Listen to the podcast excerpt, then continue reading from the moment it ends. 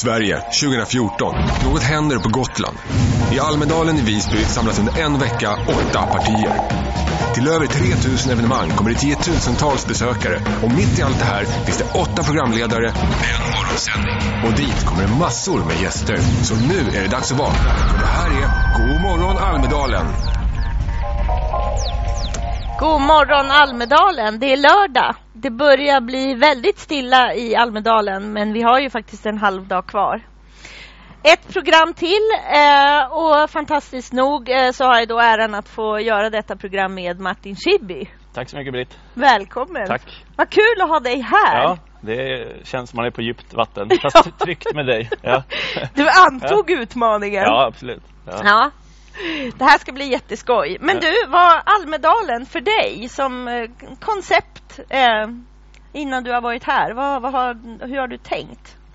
Jag har väl tänkt att det är en politikervecka. Att det mest är politiker och politiska ungdomsförbund och, eh, och olika utspel. Eh, Sen ens första intryck av, av Almedalen är väl att det är mycket mer civilsamhälle än, än vad jag hade trott. Nu har jag inte varit så mycket alltså inne i själva Almedalen. Jag har bott på södra Gotland i Holmhällar och åkt 20 mil med buss för att komma upp vissa dagar till Visby och varit med på ett antal paneler.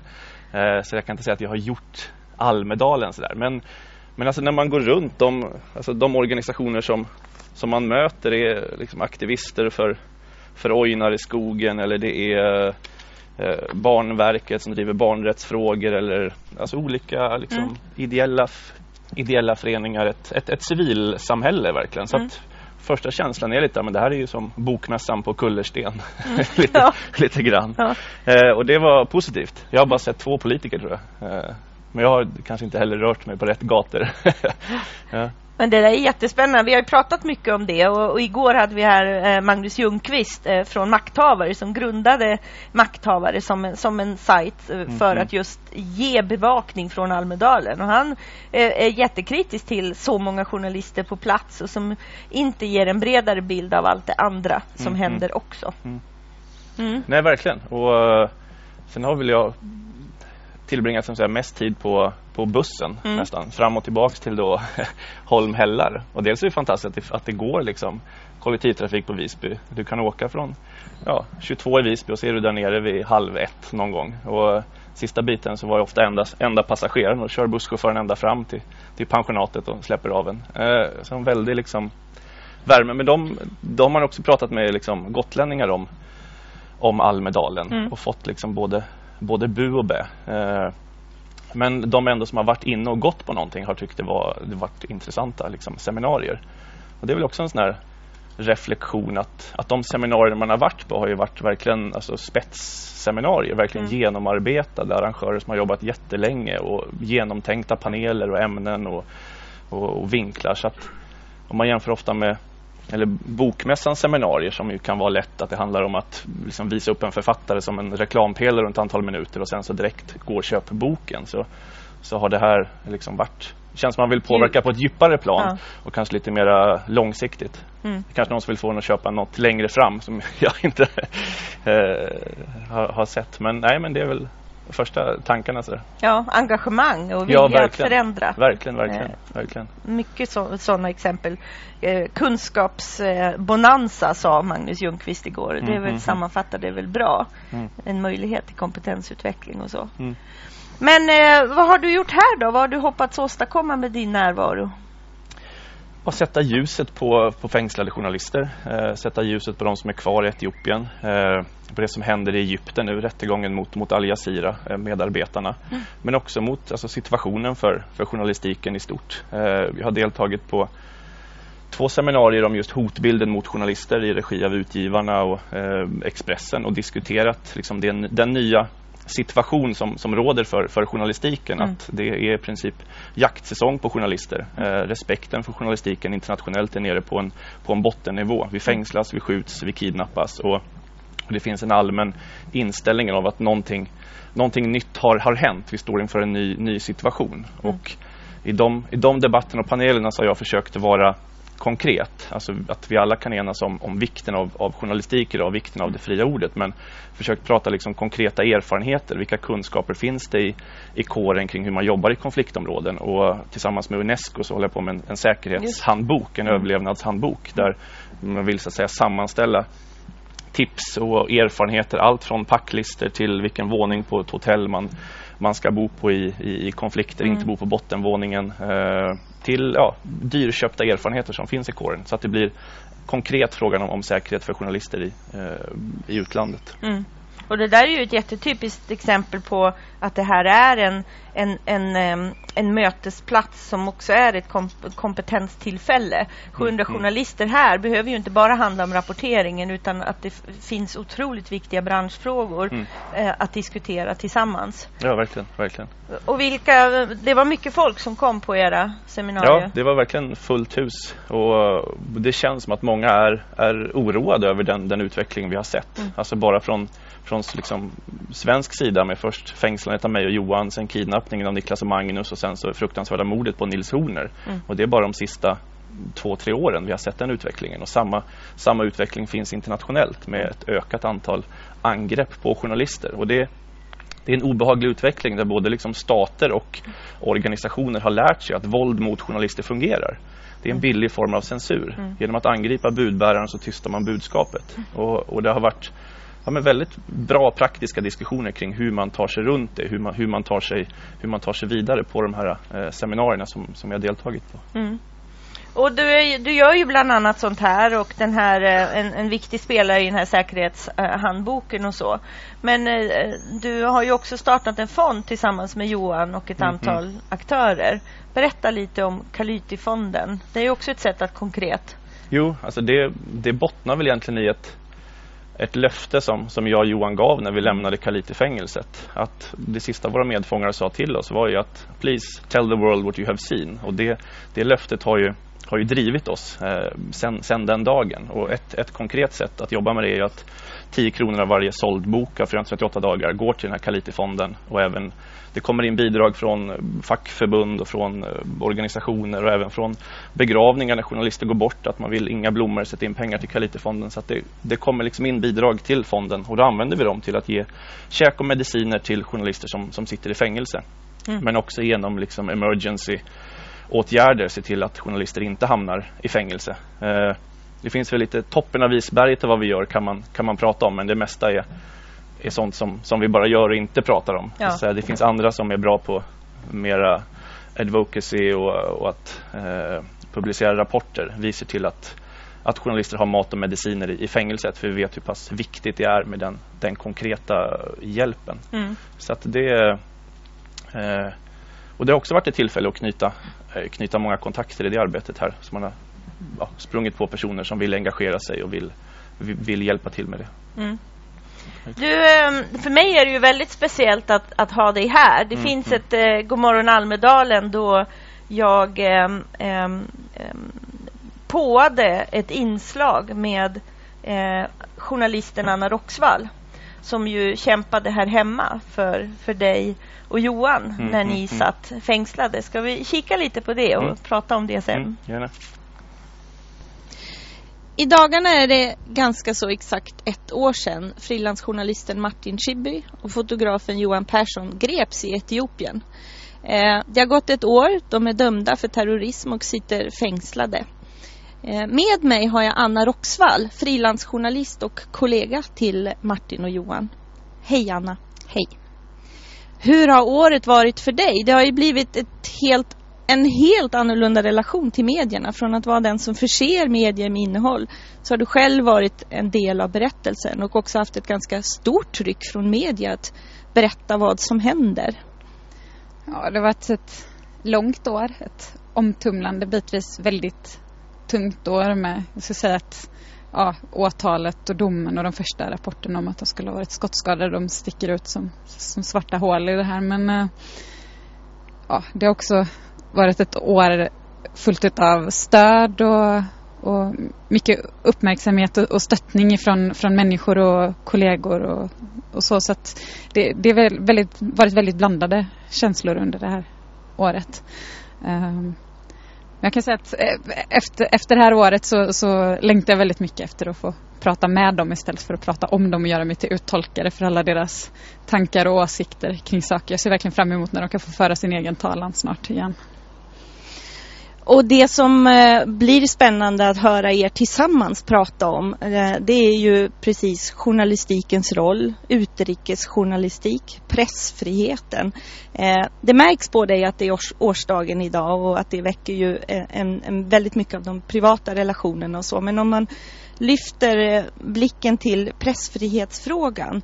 Vad tror du att det som har hänt kan, kan påverka diskussionen runt journalistikens roll och, och pressfrihet? Alltså jag hoppas ju att deras öde ändå ska bli till ett slags språngbräda som vi, som vi kan starta från för att, för att bredda diskussionen och, och, och faktiskt eh, vad ska man säga, få upp ögonen för hur det ser ut i världen med, med pressfriheten och de, de arbetsvillkor som journalister jobbar under. Eh, och jag upplever väl kanske att här i Sverige så, så, så har det varit en, en ganska sömnig inställning till det här med pressfrihet och så tidigare. Men, men jag känner också att det verkligen har ändrats och det har blivit en livaktig diskussion av det här. Och, och ska man försöka ta fasta på någonting som är gott i det här så, så är det det. För att vi behöver alla prata om vad, vad journalistens roll är eller journalistikens roll, vilken uppgift och, och, och varför den behövs. Det här, jag kommer ihåg eh, det här och hur svårt det var att plocka upp efter det inslaget. Jag var otroligt berörd. Eh, och, och, och, privat först, hur känns det att, att se det här och bli påmind om att den Almedalsveckan var det mängd seminarier som handlade om er mm. och där det bedrevs en, en kamp för er. Mm. Alltså man får ta ett djupt andetag och, och vara glad att man kan stå här. Mm. Alltså man får påminna sig själv om det, att vi faktiskt vi, vi överlevde och, och, och, vi kom ut mm. Eh, och, och fick liksom vår yttrandefrihet tillbaka. Och mycket beroende på den kamp som, som jag menar, Anna Roxvall och massa kollegor och massa människor förde för oss. Alltså mm. att man verkligen aktivt liksom krävde, krävde vår frihet. Att det var otroligt betydelsefullt. Och det var också Alltså det var ju vår stora skräck i fängelset att att vi skulle bli bortglömda. Vi mm. var ju mer rädda för det än vi mm. var för fysiska hot eller för att liksom sitta där resten av våra liv. Att så länge menar, man satte ljuset på pressfrihetsfrågor, ljuset på Etiopien, ljuset på vikten av utrikesjournalistik så kände man att man sitter för en bra sak. Därför var det här liksom så viktigt och de små glimtar vi fick av att det pågick diskussioner och debatter om oss stärkte oss i fängelset och var liksom viktigare än, än mat och vatten och, och, och mediciner. Så att, och det är klart att Almedalen blir speciellt på så sätt eftersom mm. nyheten om att vi greps kom ju under Almedalsveckan 2011 mm. och det är liksom nästan på dagen tre år sedan som vi då liksom sköts och greps och hölls i öknen. Och då blev det ju ingen jättegrej eh, utan det, det tisslades och tasslades eh, lite om att några hade gripit. Ett år senare så, så är frågan verkligen på dagordningen eh, och ja, Anna Roxvall är med i, i, i programmet och jag tror att om man ser tillbaks vad det här vad det här har gett så har det ju varit verkligen en, en, en folkbildning i journalistik. Verkligen. Idag är det liksom ingen som, som ifrågasätter varför journalister ska in i, i stängda områden eller behovet av utrikesjournalistik. Alltså människor som är på plats, som använder fötterna mer än Google och som Alltså det finns ju en, ett konsensus kring att detta är jätteviktigt. Mm. Och hade det gripits två journalister idag under liksom Almedalens sista skälvande dagar så, så hade ju reaktionen blivit en helt annan. Eh, både från liksom ja, från topp till, till botten. Så det är, och det är någonstans är det som Anna är inne på i den här filmen att det är så det som har kommit ut av de här ökade fängsling, fängslandena och kidnappningarna och, och, de dödade journalisterna de sista åren är ett otroligt engagemang. Och det ser man ju inte bara i, i, i Sverige kring oss, det kan man se kring Al Jazeera, rättegången mot Al Jazeera mm. i Kairo. Mm. Alltså under deras rättegång så jag tror det kom liksom tusen uh, tweets i timmen som, som stödde deras frigivande jag tror det är över hundratusen liksom, personer som har skrivit liksom, aktivt och, krävt att de, att de ska bli fria. Mm. Och det är journalister som, som vi inte känner men som representerar någonting som, som vi tycker är viktigt och, och som vi tycker är ett, ett, ett brott att, så att, säga, att fängsla. Så det är så det är, det är oerhört eh, positivt. Och samma sak, även i Etiopien så har man ju fortsatt att gripa journalister och bland annat nu under våren så greps det ett antal eh, bloggare som hade publicerat utdrag ur konstitutionen Eh, och de greps och fördes till Makalawi, två av dem har torterats. Eh, men, men gensvaret i det etiopiska liksom, samhället har varit enormt. Många har tagit jätterisker och twittrat och bloggat och protesterat och, och det såg vi inte innan. Innan greps journalister i tysthet. Idag så, ja, så, så görs det inte det. Mm. Och man, där ser man ju verkligen att Twitter kan vara något helt annat än den eh, diskussion det ofta blir, även i Sverige kopplat till journalistik. Eh, att det, blir, det här blir ju livsavgörande att faktiskt förstå den där lilla fyrkantssymbolen. Mm. Ja, verkligen. Och det, jag tror det var ett, första gången som jag liksom förstod värdet av alltså sociala medier i auktoritära stater eller i Etiopien. Det var när jag såg plötsligt att det twittrades från, från rättegången i Etiopien. Mm. Alltså modiga etioper satt och liksom twittrade under rättegången. Och det visste man ju själv vilka, vilka risker de människor tog som gjorde det. Mm. Att man fick liksom i realtid rapporter om de här människorna som, ja, som, som sedermera dömdes, alltså, alltså kollegor. Då kände man verkligen shit, det här är på riktigt. Också de här bloggarna som, som nu greps visar att den etiopiska regimen tar ju verkligen sociala medier på allvar. Mm. Det är unga människor, 20-25 år, som har bloggat fredligt, uttryckt sig liksom, eh, kritiskt eller bara krävt sin, sin yttrandefrihet, krävt demokrati. Och de buras nu in och riskerar långa fängelsestraff för terrorism. Och jag menar om, om Etiopien tar social, sociala medier och bloggar och Twitter på sånt allvar, då måste vi själva också göra det och se det som de liksom, kraftfulla, viktiga verktyg, verktyg det är och inte bara någonting liksom, något roligt man tar selfies med och, och, mm. och lägger upp liksom, utan i detta Eh, ja, ryms någonting stort. Ja, och, och, är viktigt att också stärka medborgare i att se att de här plattformarna finns. Det är ju ett sätt att, att kunna berätta och, och snabbt nå ut mm, mm, och inte mm. avfärda det som, som gör att man själv fortsätter att välja att stå utanför utan mm. snarare se att det här är en av dina kanaler för att mm. påverka i samhället. Mm, ja, verkligen. verkligen. Men eh, kampen för er eh, slutade ju så här lyckligt. Mm. Eh, och, eh, men kampen fortsätter ju för fängslade journalister. Mm. Eh, och då är det väl jättefint eh, att vi kan ha ytterligare ett exempel för att lyfta det med oss här på plats. Eh, vi välkomnar Vanessa. Ja, Välkommen. Ja, det var jättebra. Ja, ja. Hej Vanessa! Hej!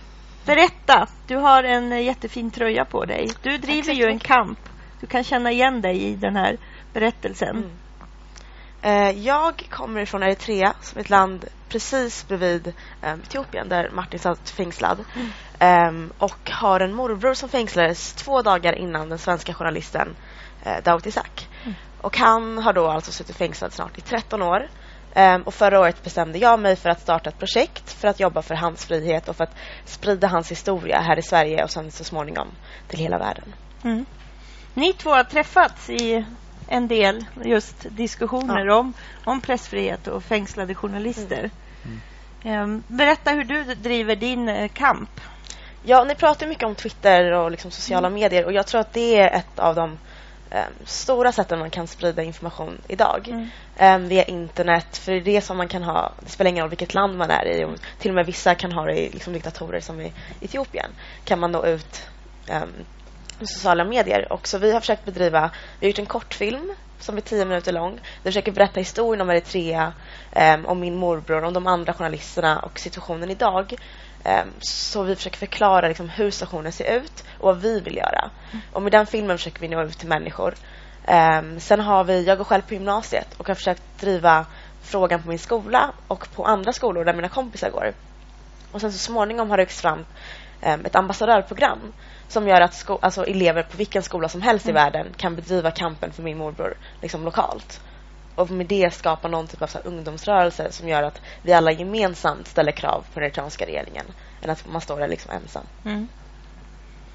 Och du deltar ofta i um, sammanhang där även David Isaks mm. fall tas upp. Jag vet när vi var en utställning nu på Liljevall som invigdes mm. så, så fanns du på plats och, och berättade om, om även din historia. Mm och koppling. Precis. Vad tänker du om hur, hur Vanessa kan fortsätta sitt arbete? Jag tycker att Vanessas eh, engagemang och, och många andras har verkligen liksom vitaliserat hela ja, alltså att kämpa för en journalist är att kämpa för, för alla journalister mm. och, och, fotografer och fängslande och det har verkligen liksom ytterligare en, en röst som, som, som sätter de här liksom viktiga personerna på, på kartan. det jag känner när, när jag läser om, eh, om din morbror, mm. är det precis Seum, eh, och, och David och andra, det är att, att det är viktigt att liksom minnas dem och kämpas för dem för, för den journalistik och för det de försökte göra och inte bara för att, för att de sitter i fängelse mm. utan kanske mer för det som, det som ledde dem dit. Mm. Alltså de, jag menar Seum och, och Isak och alla, de, de stod ju de stod inför, inför ett val. Alltså de kunde valt ett annat liv, de kunde valt ett annat yrke. De kunde eh, liksom, ja, intelligenta, välutbildade människor kunde jobbat med vad som helst men de valde journalistiken, de valde att resa tillbaks till, till Eritrea, att jobba där. Alltså kärleken till landet, till sina medmänniskor fick dem att fotografera och skriva och, och det, ledde dem, det ledde dem till fängelset. Och jag tycker att man aldrig får glömma den dimensionen av det. Alltså att säga, de, de var beredda att ta stora risker för det fria ordet och för det här yrket. Och, och det, alltså, vi ska sörja dem men vi ska också liksom hedra dem att de vågade. Mm. Alltså utan den typen av, av kollegor så skulle inte, inte journalistiken uh, ja, vad, vad det den kan vara verkligen. Så det, och det tycker jag är fantastiskt med, med de bilder som finns från, från din morbror till exempel som är helt unika uh, bilder från, från en tid i, i Eritrea. Att man, och det gör du ju så jättebra i din organisation, sprider dem och sprider liksom hans, hans verk också. Det är ett sätt att hålla honom levande och se till att man kan fängsla honom men du kan inte mm. fängsla hans bilder eller hans idéer. Eller, eller sådär. Så det, jag tycker att det, att det är starkt att, att ni jobbar på det sättet. Verkligen. Och vi har ju redan varit inne på att den här typen av kampanjer betyder något. Det mm, ger, mm. det ger du har vittnat om det, att det, det ger energi. Mm. Eh, för det, vi hade ju ett seminarium i veckan där vi diskuterade, spelar den här typen av kampanjer någon roll? Mm. mm. Nej, absolut. Men jag håller med också när Martin pratar om liksom, journalisternas roll mm. i samhället. Inte bara som liksom, fängslade journalister men som liksom, bevarare av den här demokratin som de då försökte skapa. Mm. Och att vi ska se dem som hjältar och inte bara som här, sorgsna eh, offer. Liksom. Mm. Första gången i Almedalen för dig. Ja. Vad är dina intryck? Eh, mycket folk. Jag kan tänka mig att det här måste vara rekord under den här veckan. Eh, men det har varit jättekul tycker jag. Det har varit väldigt mycket engagerade människor som varit jätteintresserade när jag pratat med dem och sådär. Eh, så kommer definitivt, om förhoppningsvis är han fri den här tiden nästa år. Men om han inte är det eller kommer vi till andra journalister så finns det hundratals sätt man kan arbeta med den här typen av folksamling. Mm. Du har nätverkat med andra på plats ja. också. Precis. Vad kan mm. man göra om man vill stödja eh, Seum? Eh, först och främst är det att skriva på namninsamlingen, helt klart. Mm. Det är, för oss blir det som ett stöd som visar att vi inte är ensamma. Eh, den går inte, vi har inte skickat dem till regeringen eller till ambassaden men vi använder dem för att ja, ifall vi skulle göra en anmälan eller ifall vi skulle komma ut med någon typ av eh, begär eller någonting kan vi säga så här, jag och hundratals eller tusentals mm. människor håller med mig. Um, och sen två är såklart att sprida filmen. Gå in på hemsidan. Um, sprid historien till dina familjevänner och kompisar och klasskamrater och allt möjligt. Så att mm. de inte glöms bort. För jag tänker ofta på det du säger att ja, det värsta tanken varit ifall vi skulle glömmas bort. Mm, mm, och det kan jag tänka i alla fall för min morbror och för de journalister som lever som fängslades i samma veva som Dawit Isaak. Att vi aldrig får glömma bort att de också finns. Mm. För att jag som hade jag varit journalist och jag satt fängslad med en annan svensk medborgare då skulle jag nog brytas ner inombords av att jag såg att ingen kom ihåg mig. För att ja, jag är inte svensk mm. medborgare, mm. helt enkelt. Mm. Men, och så får man finna en kraft i just det här att kampen för, för en journalist är en kamp för allas mm. journalist, mm. alla, alla journalister. Mm. Eh, och att det finns, det är fint med den förändrade insikt i, i Sverige som har blivit kring de här frågorna. Och så får man fortsätta driva på globalt. Du var nyligen i Turin och delade ut ett pris. Mm.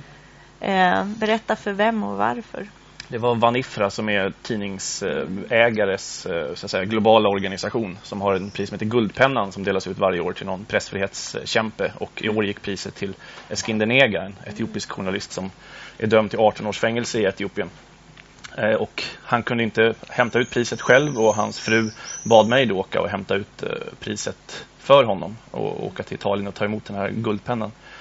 Och det jag tycker det varit glädjande att en sån här liksom verkligen global stark organisation som Banifra ger ett pris till en fängslad journalist. Mm. Alltså ofta så det är ganska okontroversiellt att fördöma mord på journalister. Det, gör liksom, ja, det sker liksom direkt mm. efteråt. Men just att, att ge ett pris till en fängslad, då tar man också en, en det är också ett politiskt krav för ett land som håller Eskinder fängslad. Mm. Och, och, det gör det eh, viktigt. Liksom det, det priset är ju verkligen någonting som jag också fått höra att han fick reda på i fängelset att, att han har fått det och att han, det, han blev ju liksom så mm. stärkt av det att få Guldpennan av, av Van Ifra som fängslad journalist. Då känner man verkligen att man sitter för en bra sak. Så, men det blev en ganska känslomässig eh, ceremoni. Alltså Eskindenega var en av dem som när jag och Johan greps faktiskt som skrev och kritiserade ja, gripandet det, av oss. Det visar ju på att, perspektivet. Liksom, att vi, ja. det här, hur, kan vi miss, hur kan vi använda terroristlagar mot journalister? Mm. Och då syddes han in och dömdes för brott mot terroristlagen för att ha kritiserat terroristlagen till 18 års fängelse. Mm. Alltså det, det är ett, eh, vore inte så allvarligt skulle man skratta åt det för det är det sjukaste av, av skämt. Mm. Men eh, och jag vet också att David Isak har fått den här guldpennan tidigare och jag, det är väl en en, en passning som, som man kan ge till fler internationella organisationer som delar ut priser. Alltså ge dem till, till fängslade, då, då gör de verkligen, verkligen nytta. Uh, att det, mm. det ja, ett viktigt sätt, det, det man kan göra. Så. Man kan också bjuda in uh, fängslade journalister till konferenser. Alltså det är också, tänkte man skulle kunna bjuda in sig om till en konferens. Alltså, ja, han kan inte komma, varför inte då? En tom mm. stol. Alltså det finns det finns många liksom sätt, innovativa sätt att jobba med, med fängslade för att, för att sätta ljuset på dem. Och det har också skett med, jag tänker Cellen förra året för, för mm. David och den här musikvideon Fågelsång och ditt arbete för Seoma. Så det, det händer mycket i de här frågorna. Folk tänker nytt och det är mm. fantastiskt fint att se. Det är verkligen folkbildning också som är mycket positivt. Mm, mm. Men Vanessa, lycka till med ditt Tack fortsatta arbete. Mm. Hoppas se dig i Almedalen nästa år. Eh, eh, om det inte, och det kan ju faktiskt vara så att du är här och berättar om hur bra det har gått. Ja, förhoppningsvis. Ja. Stort tack. Tack själv. Eh, tack. Nu tänkte vi gå över till att summera Almedalen 2014.